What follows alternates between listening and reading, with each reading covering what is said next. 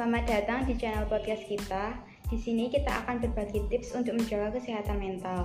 Saya Septiana dan rekan saya Rahmanda akan berbagi tips mengenai kesehatan mental. Jika kalian belum mengetahui apa itu kesehatan mental, kalian berada di tempat yang tepat. Saya tidak sabar untuk membagikan tips kepada kalian semua. Di sini rekan saya akan menjelaskan tentang pengertian kesehatan mental. Kesehatan mental adalah suatu keadaan di mana seseorang tidak mengalami perasaan bersalah terhadap dirinya sendiri, memiliki estimasi yang realistis terhadap dirinya sendiri, dan dapat menerima kekurangan atau kelemahannya, kemampuan menghadapi masalah-masalah dalam hidupnya, memiliki kepuasan dalam kehidupan sosialnya, serta memiliki kebahagiaan dalam hidupnya. Bagaimana kondisi tubuh saat stres? Stres secara alamiah memicu respon tubuh untuk bereaksi menghadapi ancaman. Ketika menghadapi potensi bahaya, sistem saraf simpatik otomatis berada dalam mode mempertahankan diri. Hal itu dikontrol bagian otak yang mengendalikan emosi bernama amigdala. Saat stres, amigdala mengirimkan sinyal marah bahaya ke kelenjar hipotalamus di dasar otak. Hipotalamus lantas memberikan kode pada kelenjar adrenal untuk melepaskan hormon stres, kortisol, dan adrenalin.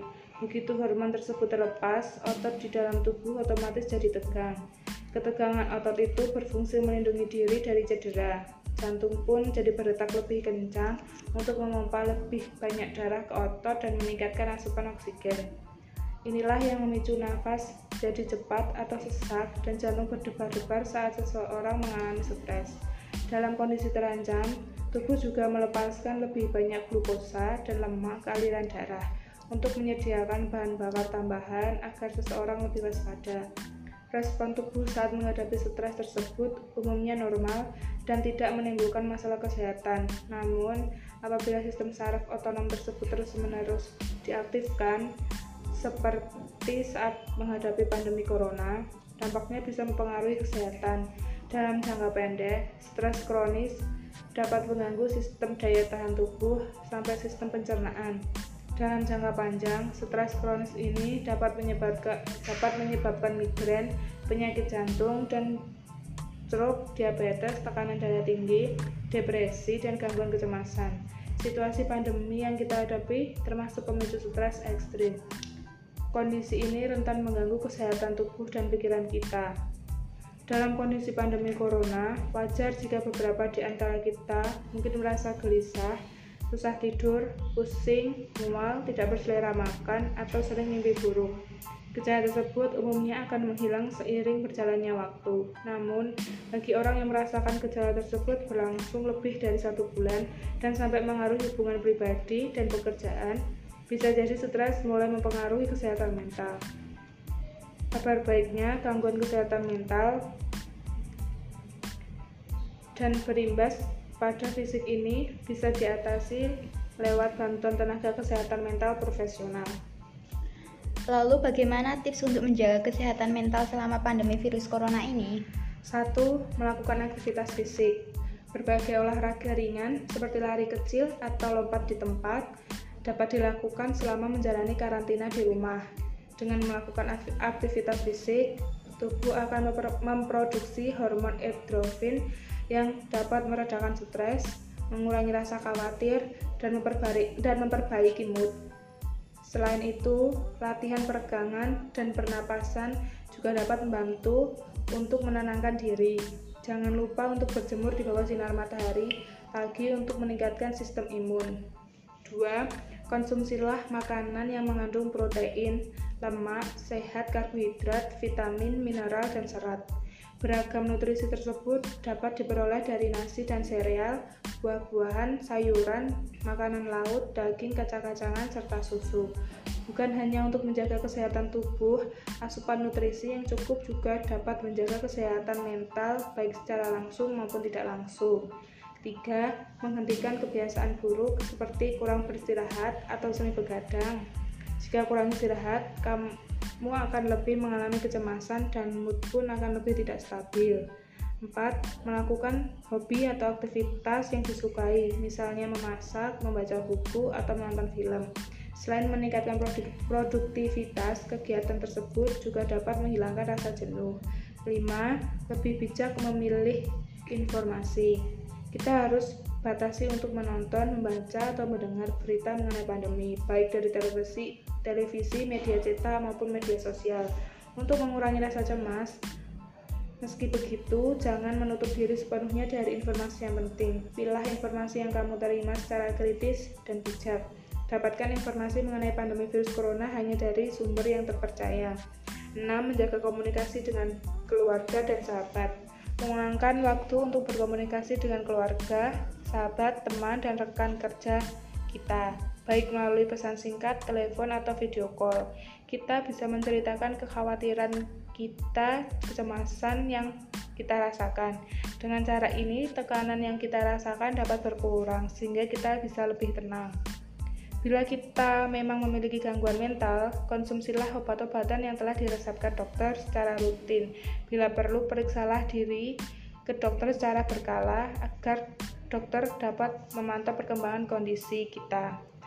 Rasa takut dan cemas memang normal dirasakan selama masa pandemi seperti ini, namun cobalah untuk selalu berpikir positif dan bersyukur. Bagaimana tips menjaga kesehatan mental bagi remaja? Tekanan mental di kala pandemi virus COVID-19 hanya untuk orang dewasa, orang dewasa saja.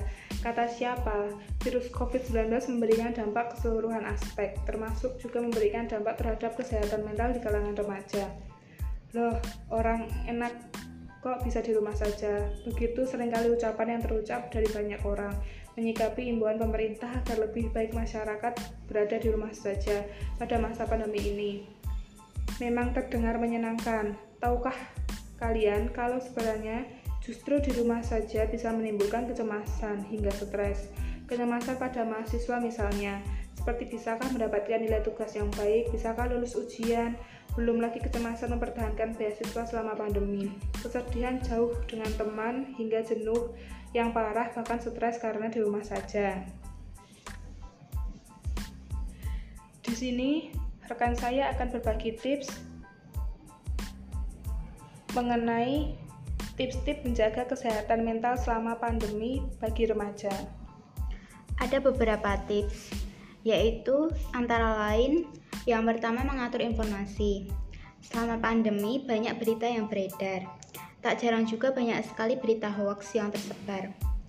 Alih-alih mau memperbarui berita terkini setiap saat, kita malah termakan berita hoax.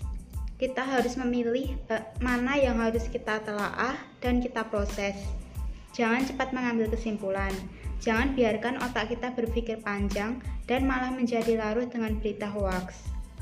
Yang kedua, tetaplah tenang. Pandemi ini memberikan tekanan tersendiri untuk setiap orang.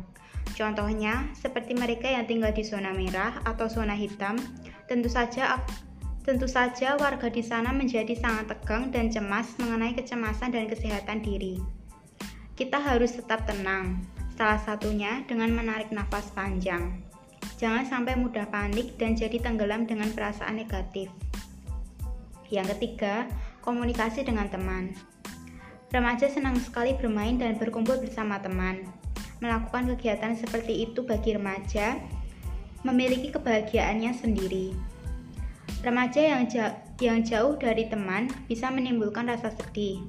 Menghubungi teman secara daring juga dapat mengurangi rasa negatif. Yang keempat, dekatkan diri dengan Tuhan. Selama di rumah saja, memberikan banyak waktu kepada kita untuk untuk lebih fokus beribadah. Yang biasanya kita sibuk dengan sekolah dan kegiatan lainnya, membuat kita kadang-kadang lupa dengan ibadah. Sekarang, masa di rumah saja ini memberikan kita banyak kesempatan untuk mendekatkan diri kepada Tuhan.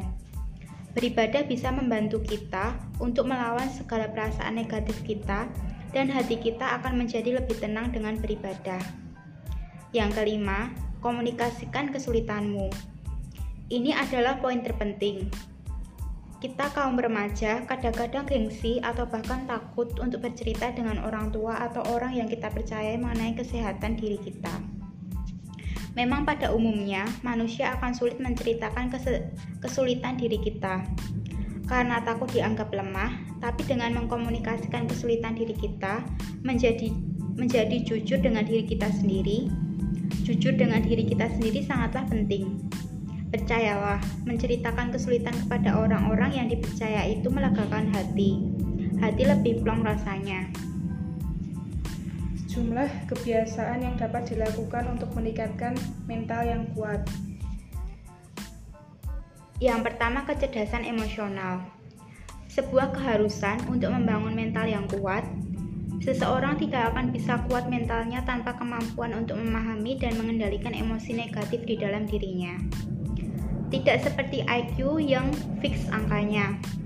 IQ merupakan keahlian yang fleksibel dan dapat ditinggalkan melalui pemahaman dan upaya yang dilakukan. Yang kedua, dengan merasa percaya diri. Ketiga, berani bertindak mengatakan. Penelitian menunjukkan bahwa ada momen ketika seseorang sulit mengatakan tidak atau menolak sesuatu. Orang yang bermental kurang tak Orang yang bermental kuat tahu kapan harus mengatakan tidak dan menganggapnya itu lebih menyehatkan. Yang keempat, menghadapi orang yang sulit. Menghadapi orang yang sulit dalam artian sulit diajak untuk berdiskusi atau kadang membuat frustasi dan melelahkan. Akan tetapi, orang yang bermental kuat mampu untuk mengontrol interaksinya dengan orang lain sehingga ia bisa membuat suasana hatinya menjadi lebih baik. Mereka juga mampu melakukan pendekatan yang rasional. Yang kelima, adaptasi dengan perubahan. Untuk membangun mental yang kuat, harus fleksibel dan terus-menerus beradaptasi. Bahwa ketakutan akan perubahan hanya akan menimbulkan kekhawatiran dan cemas yang berlebihan. Hanya dengan mampu menerima perubahan dan menemukan yang baik di dalamnya, dengan tangan terbuka, seseorang akan dapat menjadi lebih baik. Selanjutnya, yang keenam, menerima kegagalan. Menganggap gagal adalah jalan menuju kesuksesan. Setiap orang belajar dari kesalahan untuk mengetahui apa yang mesti dilaluinya. Caranya dengan melihat dan dari sudut pandang yang lain atau out of the book. Temuan besar biasanya lahir dari bagaimana cara menghadapi kegagalan itu. Yang ketujuh, tidak menjadikan kesalahan sebagai beban. Orang yang mentalnya kuat tahu bagaimana menempatkan fokus perhatian yang mempengaruhi emosionalnya. Ketika akan menyelesaikan masalah yang dihadapinya, atasi emosi negatif dan stres. Fokus pada apa yang mestinya dilakukan dan ubah emosi negatif menjadi positif dan memetik pelajaran dari kesalahan. Yang terakhir, tidak membandingkan diri dengan orang lain. Setiap orang memiliki atau menghadapi hal berbeda. Membandingkan orang lain hanya akan membatasi diri. Rasa iri hati hanya akan membuat energi negatif ya, dan melelahkan. Supaya mental kita kuat, hindari buang waktu dan energi untuk hal-hal yang tidak semestinya perlu dikhawatirkan.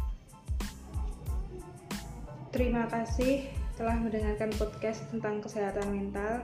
Pastikan untuk mengunjungi channel kita di Spotify untuk bergabung dalam percakapan dan menemukan tips-tips menarik dari kami mengenai kesehatan mental.